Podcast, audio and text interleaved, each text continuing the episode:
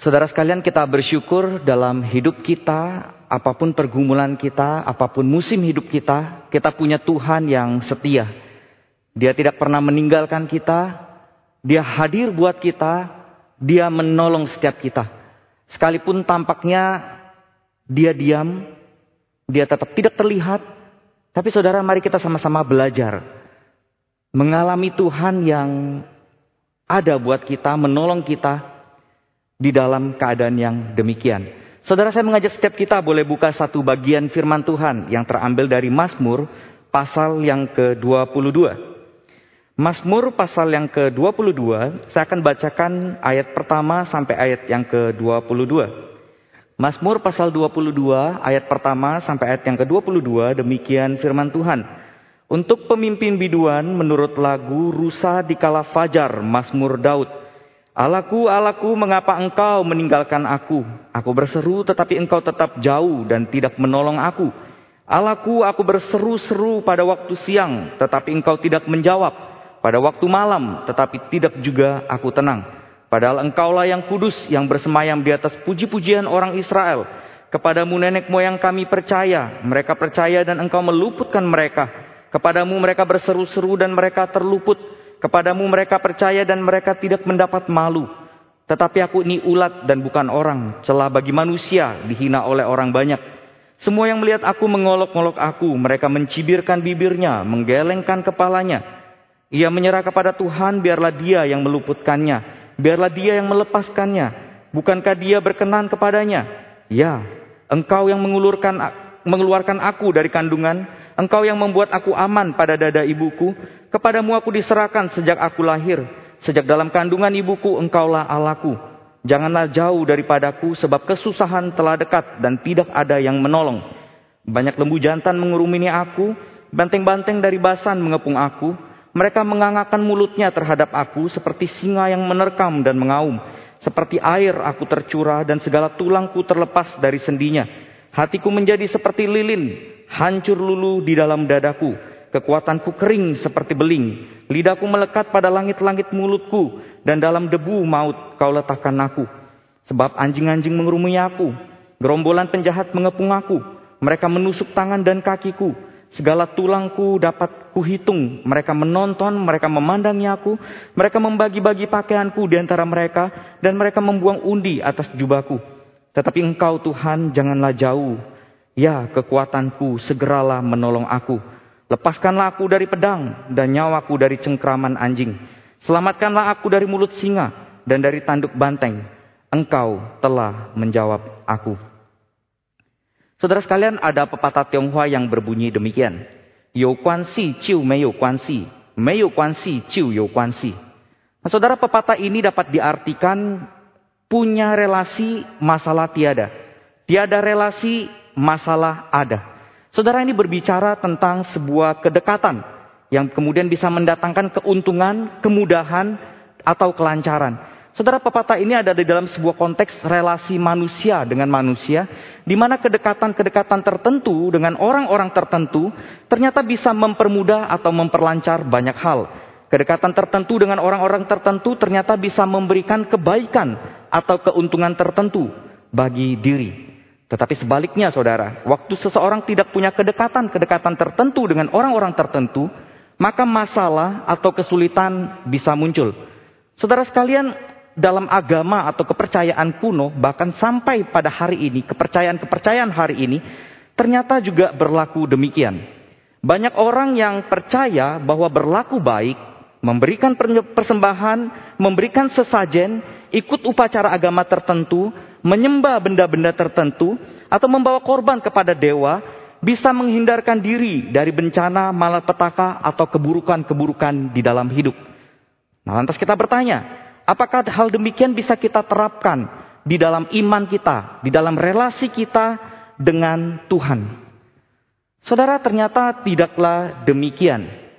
Karena relasi dengan Tuhan yang sejati itu bukanlah sebuah transaksional relationship, Bukan sebuah relasi timbal balik. Saya memberi, maka saya akan mendapat apa. Saudara, seorang yang punya kedekatan dengan Tuhan, ternyata tidak menjamin hidupnya lancar-lancar saja. Atau hidupnya dipenuhi dengan banyak kemudahan-kemudahan. atau hidupnya bebas dari pergumulan atau bahkan bebas dari penderitaan. Saudara Mazmur 22 adalah contoh dari sekian banyak contoh atau cerita di dalam Alkitab yang mengisahkan bahwa kedekatan dengan Tuhan ternyata tidaklah menjamin seseorang itu punya hidup yang lancar tanpa pergumulan bahkan tanpa penderitaan. Saudara kalau kita baca mulai dari ayat yang kedua, ayat yang ketiga, mungkin kita ingat ini adalah sebuah seruan Tuhan Yesus di atas kayu salib. Dan beberapa bagian yang lain di dalam pasal ini juga kita bisa melihat bahwa itulah yang Tuhan Yesus alami di atas kayu salib. Tapi kalau kita lihat lebih dekat lagi, ternyata ini ada di dalam sebuah konteks di mana pemazmur bergumul begitu rupa dengan kehidupannya. Saudara sekalian, Mazmur 22 ini dimulai dengan seruan pemazmur kepada Tuhan. Kalau kita lihat pemazmur mengatakan Allahku, Allahku, dia sebutkan sampai tiga kali. Saudara di ayat kedua, ayat ketiga kita bisa mendapatkannya. Allahku, Allahku, mengapa engkau meninggalkan aku? Allahku, aku berseru pada kepada engkau pada waktu siang, pada waktu malam. Saudara sekalian, Tuhan, Daud sebagai seorang pemazmur, dia berseru kepada Tuhan, memanggil Tuhan dengan sebuah sebutan yang sangat dekat, sangat personal, sangat intim. Tuhan yang adalah pencipta alam semesta, Tuhan adalah Allah yang besar itu, kita bisa mendapati ternyata dia adalah Allah yang kepadanya Daud berharap. Daud mencari pertolongan. Daud berseru siang dan malam. Saudara kalau kita lihat Ternyata Allah yang besar itu, pencipta daripada alam semesta ini, adalah Allah yang bukan tinggal jauh di sana. Tetapi dia adalah Allah yang dekat. Dia mau berelasi, memiliki relasi dengan ciptaannya. Dan kita lihat di dalam konteks ini dia mau berelasi dengan Daud. Begitu rupa. Dan memang kita tahu saudara, Daud pun disebut sebagai orang yang dekat dengan Allah. A man after God's own heart. Seorang yang berkenan di hati Allah. Seorang yang sangat dekat dengan Allah. Seorang yang di dalam kehidupannya mengalami banyak hal. Dan dia terus datang mencari akan Allah. Dia orang yang sangat dekat dengan Allah. Tapi saudara kita bisa menemukan fakta. Bahwa sekalipun Daud adalah orang yang dekat dengan Tuhan. Punya relasi dengan Tuhan. Ternyata kedekatan itu tidak menghindari Daud dari kesulitan-kesulitan di dalam hidup. Saudara memang kita tidak tahu secara pasti apa yang menjadi pergumulan Daud ketika Mazmur ini ditulis. Tapi mungkin pada saat itu pemazmur sedang dikejar-kejar oleh musuh, hendak dibunuh oleh musuh-musuhnya. Nah, saudara kita bisa melihat di dalam 22 ayat di dalam Mazmur ini, setidaknya pemazmur menggambarkan kesulitan-kesulitan yang dia alami sebagai seorang yang dekat dengan Tuhan. Saudara di ayat kedua, ayat ketiga dikatakan demikian. Alaku, alaku, mengapa engkau meninggalkan aku? Aku berseru tetapi engkau tetap jauh dan tidak menolong aku. Alaku, aku berseru pada waktu siang tetapi engkau tidak menjawab. Dan pada waktu malam tetapi tidak juga aku tenang. Jadi saudara pemazmur yang dekat dengan Allah itu. Di dalam pergumulannya. Berulang-ulang dia berseru kepada Tuhan. Siang dan malam Alkitab catat. Tetapi dikatakan Allah tidak mengindahkan dia. Allah mengabaikan dia. Allah tidak peduli sama dia. Sampai pemazmur ada di dalam sebuah kesimpulan. Dia merasa dia ditinggal oleh Allah. Dijauhi oleh Allah. Tidak ditolong oleh Allah. Tidak dijawab oleh Allah. Juga tidak, didengar oleh Allah. Pada saat pemazmur bergumul begitu rupa. Ternyata seolah-olah Allah bungkam. Diam. Tidak berbuat apa-apa. Saudara ini seperti sebuah pengalaman dicuekin oleh Allah. Saudara tidak enak punya pengalaman seperti ini. Martin Luther mengerti hal ini. Dia katakan, Tuhan berkati kami, bahkan kutuki kami. Tapi tolong, jangan engkau berdiam diri. Saudara, diamnya Allah merupakan sebuah pengalaman yang tidak enak. Yang harus dirasakan oleh pemazmur. Apalagi di dalam pergumulan yang sangat berat itu. Dan Allah diam, tidak menolong. Ini memperparah pergumulan daripada pemazmur itu, saudara. Nah kalau kita lihat di ayat ke-7, ayat ke-8. Dikatakan, Aku ini ulat, bukan orang, celah bagi manusia, dihina oleh banyak orang. Semua yang melihat aku mengolok-ngolok aku. Mereka mencibirkan bibirnya, menggelengkan kepalanya. Saudara Pak Mazmur juga mengalami bagaimana dia dicela oleh manusia. Dia dihina oleh banyak orang. Dia diolok-olok, dicibir. Orang yang melihat dia menggeleng-gelengkan kepala. Orang yang melihat dia menertawakannya. Tapi tidak berhenti sampai di sana saudara. Ayat 13-14 mengatakan demikian. Banyak lembu jantan mengerumuni aku. Banteng-banteng dari basan mengepung aku. Mereka mengangangkan mulutnya terhadap aku seperti singa yang menerkam dan mengaum. Saudara, pemasmur ada di dalam sebuah kondisi di mana dia dikepung. Siap diterkam. Siap dicabik-cabik. Dan siap dihancurkan. Tidak itu saja saudara. Ayat 17 sampai 19. Sebab anjing-anjing mengerumuni aku. Gerombolan penjahat mengepung aku mereka menusuk tangan dan kakiku. Segala tulangku dapat kuhitung. Mereka menonton, mereka memandangi aku. Mereka membagi-bagikan pakaianku di antara mereka. Dan mereka membuang undi atas jubahku. Digambarkan pemazmur dikerumuni begitu rupa. Dia dikepung, dia diserang. Dan di dalam keadaan yang begitu hancur. Dia menjadi tontonan daripada musuh-musuhnya. Di hadapan pemazmur. Musuh-musuhnya membagikan, membagi-bagikan apa yang mereka rampas dari pemazmur. Pemazmur ada di dalam sebuah keadaan yang begitu habisnya. Dia dikejar, dihina, diolok-olok, dianiaya, dipukuli. Sampai seolah-olah tidak ada lagi yang tersisa di dalam dirinya. Tapi tidak berhenti sampai di sana saudara. Di ayat 15 dan ayat 16 mengatakan demikian.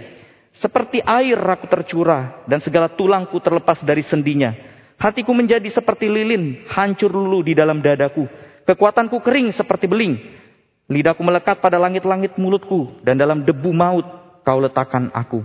Saudara pemazmur merasa tulangnya, hatinya, kekuatannya hancur. Dan seolah-olah dia sudah tidak punya tenaga lagi. Untuk Bukan saja untuk bangkit, untuk berseru, untuk minta tolong. Pemazmur ada di dalam sebuah keadaan yang benar-benar hancur.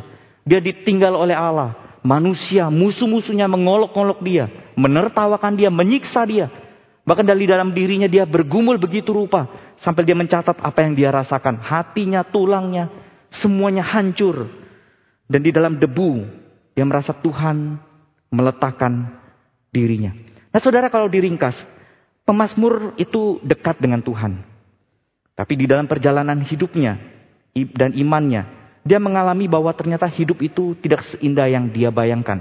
Sekalipun dia dekat dengan Tuhan, tapi dia tetap saja mengalami kesulitan. Dia tetap saja mengalami penderitaan. Sebagai seorang yang dekat dengan Tuhan, mengenal Tuhan, maka pemazmur dan pergumulannya dia berseru kepada Tuhan, minta tolong kepada Tuhan. Dan dia dapati ternyata Tuhan diam dan tidak berbuat apa-apa. Nah, pemazmur yang mengalami penderitaan diperparah dengan Tuhan yang bungkam, meninggalkan dia, jauh, tidak menjawab, tidak menolong. Artinya saudara, pergumulan pemazmur ini merupakan sebuah pergumulan yang bukan saja datang dari dalam dirinya, tetapi juga datang dari luar dirinya. Bukan saja datang dari musuh-musuhnya, tetapi saat itu seolah-olah Tuhan juga menjadi musuh daripada pemazmur. Nah maka sekali lagi saudara, kita bisa mendapati kedekatan dengan Tuhan ternyata tidak menjamin bahwa hidup seseorang itu lancar-lancar saja. Dipenuhi dengan banyak kemudahan, bebas dari pergumulan, bahkan bebas daripada penderitaan. Nah bahkan saudara, seseorang yang punya kedekatan dengan Tuhan di dalam pergumulannya, dia bisa mengalami hal yang seperti pemazmur alami. Sebuah perasaan di mana dia seolah-olah tidak ditolong oleh Tuhan. Tuhan diam, Tuhan tidak peduli. Nah saudara di dalam Alkitab banyak contoh-contoh seperti ini. Nah contoh yang sangat terkenal adalah kisah tentang Ayub. Di Alkitab dikatakan bahwa Ayub dia adalah seorang yang saleh. Dia seorang yang jujur. Dia seorang yang takut akan Allah. Dia seorang yang menjauhi segala kejahatan. Nah bahkan di dalam kesalehan itu, kejujuran dia, terus dia takut akan Tuhan, menjauhi kejahatan. Dicatat oleh Alkitab Tuhan seolah-olah bangga sekali dengan Ayub ini. Tetapi saudara, sekalipun demikian, Ayub orang yang saleh, jujur, takut akan Tuhan, menjauhi kejahatan. Ternyata hidupnya dipenuhi dengan penderitaan yang sangat berat. Alkitab catat, dia kehilangan segala harta yang dia miliki. Dia kehilangan anak-anaknya, bahkan istrinya, pendampingnya, yang seharusnya menjadi sahabat di dalam kesusahan, malah pada saat itu memperberat pergumulan Ayub. Demikian beratnya pergumulan Ayub. Kemudian sekujur tubuhnya itu ada penyakit. Alkitab catat di dalam Ayub pasal 2 ayat 12. Dikatakan bahwa Ayub itu sudah bis, tidak bisa dikenali lagi oleh orang yang melihatnya. Dan Alkitab di Ayub 2 ayat 13 juga mencatat. Pergumulan Ayub itu sangat berat, sangat besar. Nah saudara artinya, sekalipun Ayub saleh, dia takut akan Tuhan, jujur, menjauhi segala kejahatan. Tetap saja dia harus menderita, bahkan sangat menderita. Jadi sekali lagi saudara, kedekatan dengan Tuhan ternyata tidak menjamin kita itu hidup bebas pergumulan. Kita hidup bebas daripada hal-hal yang buat kita bergumul dan akhirnya kita mempertanyakan tentang Tuhan yang sebenarnya ada, tetapi kita merasa dia meninggalkan kita. Saudara Walter Walter Brookman, seorang sarjana perjanjian lama, menyebut fase kehidupan yang dialami baik oleh pemazmur maupun Ayub sebagai sebuah masa disorientasi. Masa di mana terjadi perubahan dari beriman kepada Tuhan, mengalami berkat Tuhan, menjadi hidup yang penuh dengan pergumulan, hidup yang penuh penderitaan, penuh keraguan-raguan, dan masuk ke dalam krisis.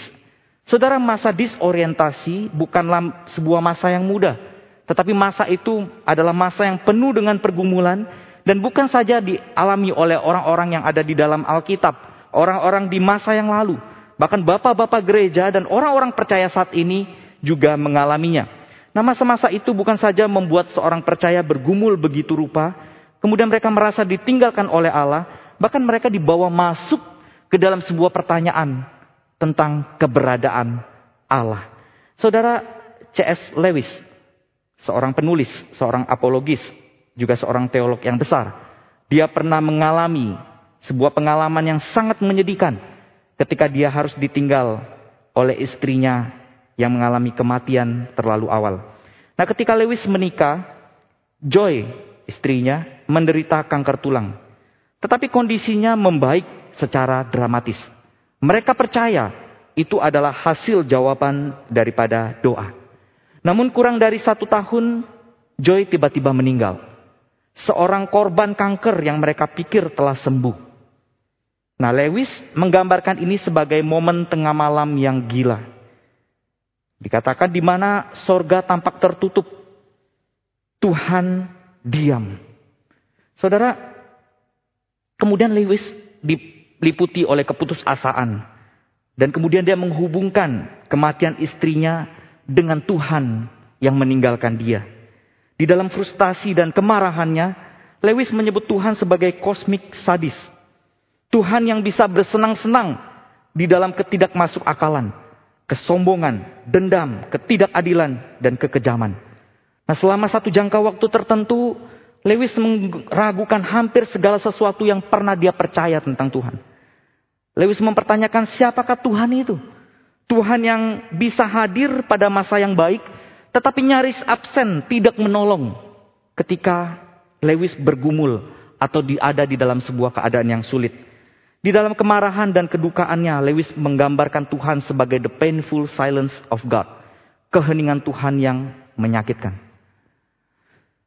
Saudara sekalian, pengalaman kegelapan ini ternyata menghancurkan struktur ideal yang pernah dibangun oleh Lewis di dalam hidupnya.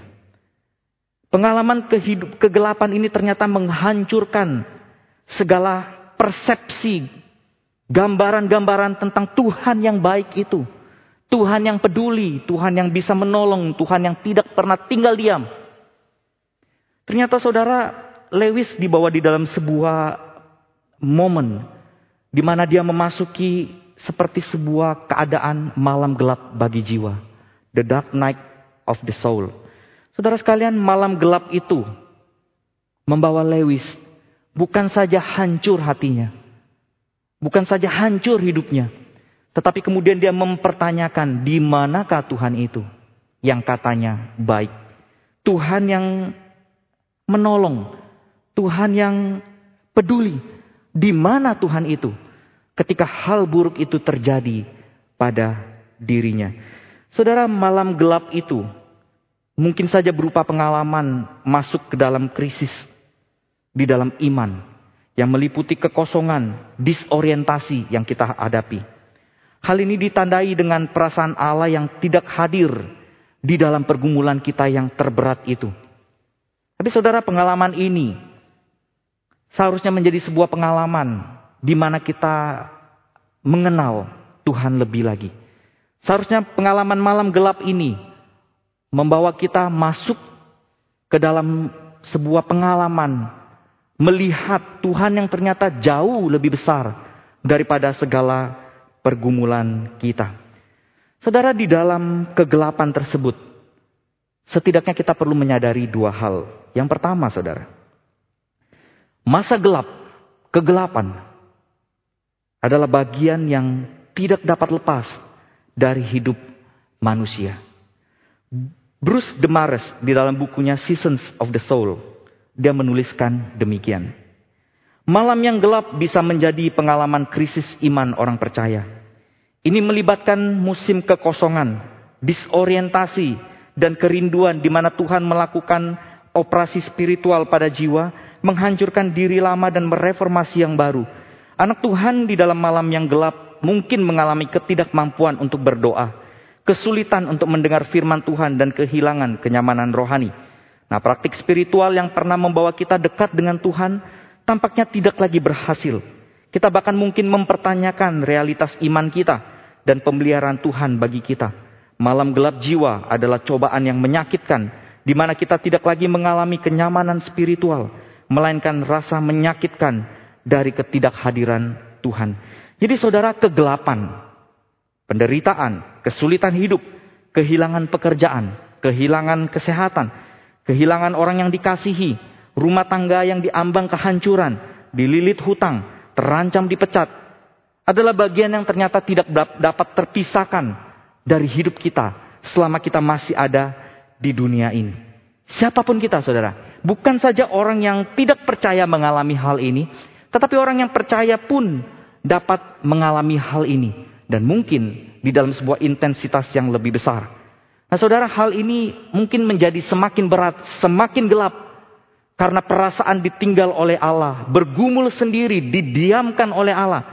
Itu masuk, menyusup, dan menjadi bagian yang tidak dapat terpisahkan dalam kehidupan orang percaya.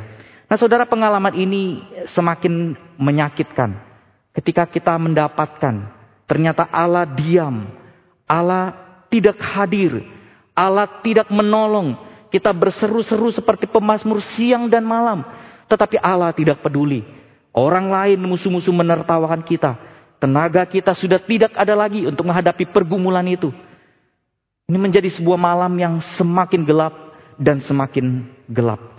Tetapi saudara kita perlu menyadarinya bahwa ini bukanlah akhir. Ini bukanlah fokus daripada hidup kita. Karena ada hal kedua yang ingin kita sama-sama lihat di dalam ke kegelapan itu. Yaitu kehadiran Tuhan di dalam kegelapan. Saudara sekalian, sekalipun ada kegelapan, ada penderitaan, ada kesulitan hidup, dan itu merupakan bagian yang tidak dapat terpisahkan dari hidup setiap kita. Tapi ada hal yang membedakan antara kita dengan orang-orang yang tidak percaya lainnya. Kita punya Tuhan. Kita punya Tuhan. Saudara, mungkin saat itu kita merasakan Tuhan diam. Tuhan tidak menolong. Tuhan bungkam. Tuhan tidak menjawab. Tuhan tidak berbuat apa-apa. Tapi kita perlu tahu saudara. Tuhan itu ada. Dia sedang bekerja. Dan dia akan terus bekerja. Tuhan itu ada. Dia sedang bekerja. Dan dia akan terus bekerja di dalam hidup kita. Saudara, saat itu pertanyaan kita tentang Allah itu mungkin disebabkan oleh ketidaksempurnaan pengetahuan kita tentang Allah. Pertanyaan tentang keberadaan Allah terjadi ketika kemampuan alami kita itu melampaui kemampuan rohani kita mengenal Allah. Kemampuan rohani kita waktu itu belum terbentuk tentang siapa Allah yang selama ini kita percayai. Saudara sekalian, kegelapan itu harus menjadi sebuah tempat atau sebuah, perjalanan yang harus kita lalui. Karena itu akan membawa kita masuk, bukan saja kita mengetahui tentang Allah, tetapi kita semakin tahu siapa Allah yang kita percaya itu. Dia adalah Allah yang jauh lebih besar daripada segala pergumulan kita. Jadi saudara, kegelapan atau pergumulan, penderitaan hidup itu adalah bagian yang tidak bisa dipisahkan dari hidup kita selama kita masih ada di dunia ini. Tetapi yang membedakan kita dengan orang tidak percaya lainnya adalah kita punya Tuhan. Dia tidak tinggal diam sekalipun dia tampaknya diam. Dia sedang bekerja dan akan terus bekerja di dalam hidup kita. Saudara Bruce Demares melanjutkan tulisannya dengan mengatakan demikian. Musim ketersembunyian Tuhan memanggil orang-orang kudus untuk mengikuti Yesus dengan segala cara, terlepas dari berkat yang kita alami atau tidak alami. Ketika segala sesuatunya berjalan lancar, kita seolah-olah seperti mengambil alih hidup kita. Tetapi ketika jalan itu diselimuti dengan kegelapan, dikatakan kita tidak punya pilihan lain selain kita percaya kepada Tuhan tanpa syarat. Saat-saat kegelapan mengundang kita untuk percaya kepada Tuhan di dalam segala keadaan. Saat kita bekerja sama dengan pekerjaan misterius Tuhan, kegelapan malam bisa menjadi pengalaman form, formasi yang definitif dalam perjalanan iman kita. Jadi saudara momen kegelapan di dalam hidup seharusnya menjadi momen di mana kita semakin dekat kepada Tuhan, mencari Tuhan dan mengejar keindahan Tuhan.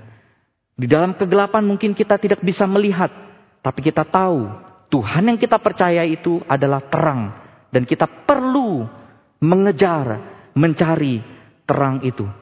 Saudara momen kegelapan, momen penuh dengan pergumulan, penuh dengan keraguan-raguan, seharusnya membawa kita untuk mengenal Tuhan secara lebih utuh lagi.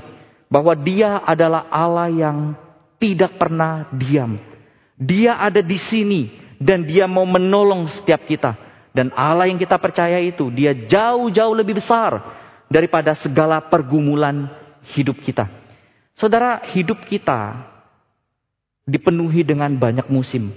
Dan musim yang paling banyak ada di dalam hidup kita adalah musim yang penuh dengan penderitaan, kesusahan, keraguan-raguan, pergumulan. Tapi di dalam musim-musim seperti itu, saudara, apa yang menjadi harapan kita? Siapa yang menjadi tempat kita bisa bersandar? Tidak ada yang lain selain daripada Tuhan kita. Saudara Tuhan sepertinya dia diam, jauh, tidak peduli, tidak menolong, tidak mendengar kita. Tetapi saudara Tuhan itu ada dan dia tidak membiarkan kita bergumul sendiri.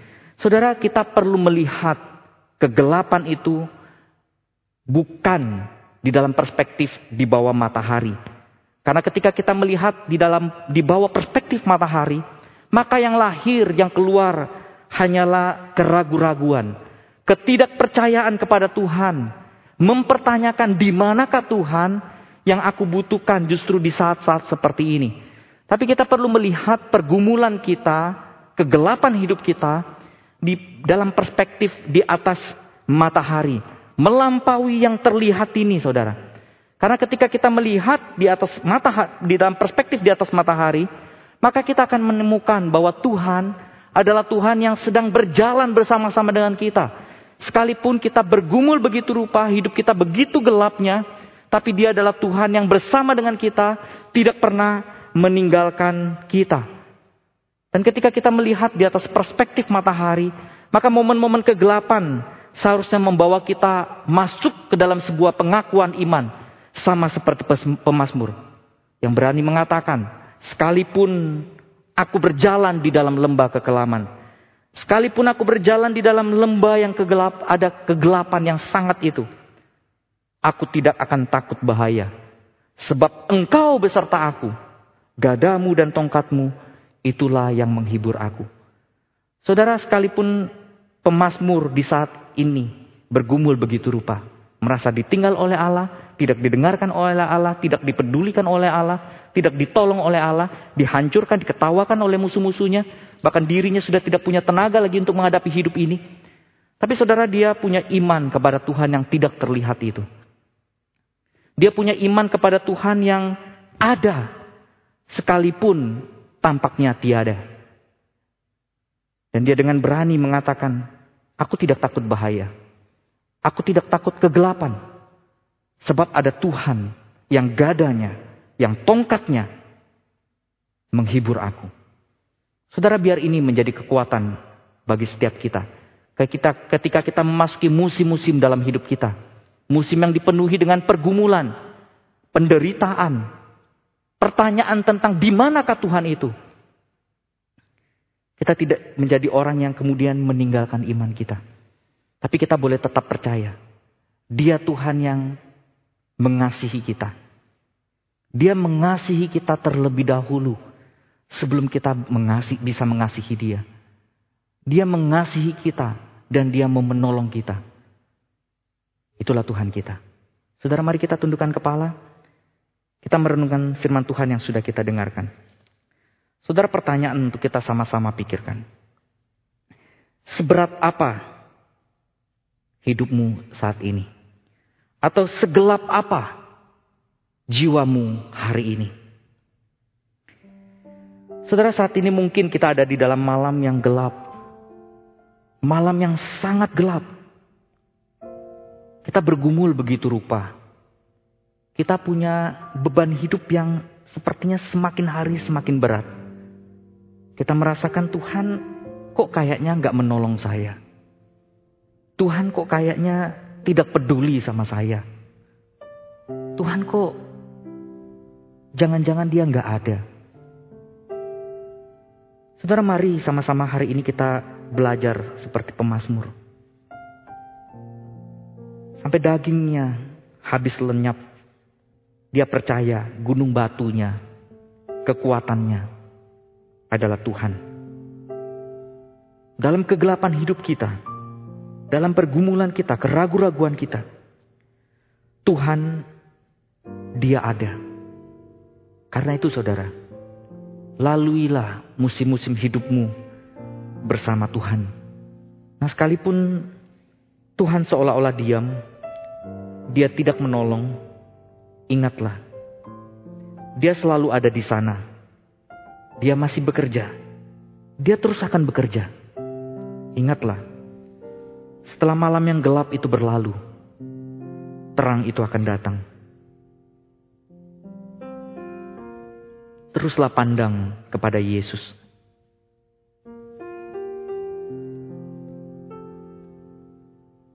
Tuhan hidup kami mungkin dipenuhi dengan banyak kegelapan, pergumulan, penderitaan, yang akhirnya membawa setiap kami bertanya, di manakah Tuhan yang biasanya hadir pada saat yang baik, tetapi tidak hadir seolah-olah ketika kami bergumul begitu rupa. Tuhan, tolong kami. Kami boleh tetap percaya kepada Tuhan, sekalipun kami ada di dalam lembah yang kelam dalam malam yang sangat gelap itu, dalam pergumulan yang sangat berat itu. Tolong kami Tuhan untuk hanya berharap kepada Tuhan dan tetap percaya bahwa Tuhan pasti menolong kami.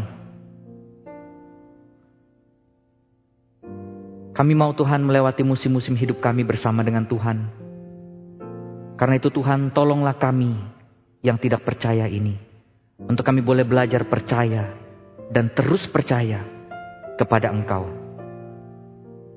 Terima kasih Tuhan untuk firman-Mu bagi setiap kami, berkati kami. Dalam nama Tuhan Yesus kami berdoa. Amin. Saudara kebaktian doa selesai, silakan mengambil waktu teduh dan Tuhan memberkati kita semua.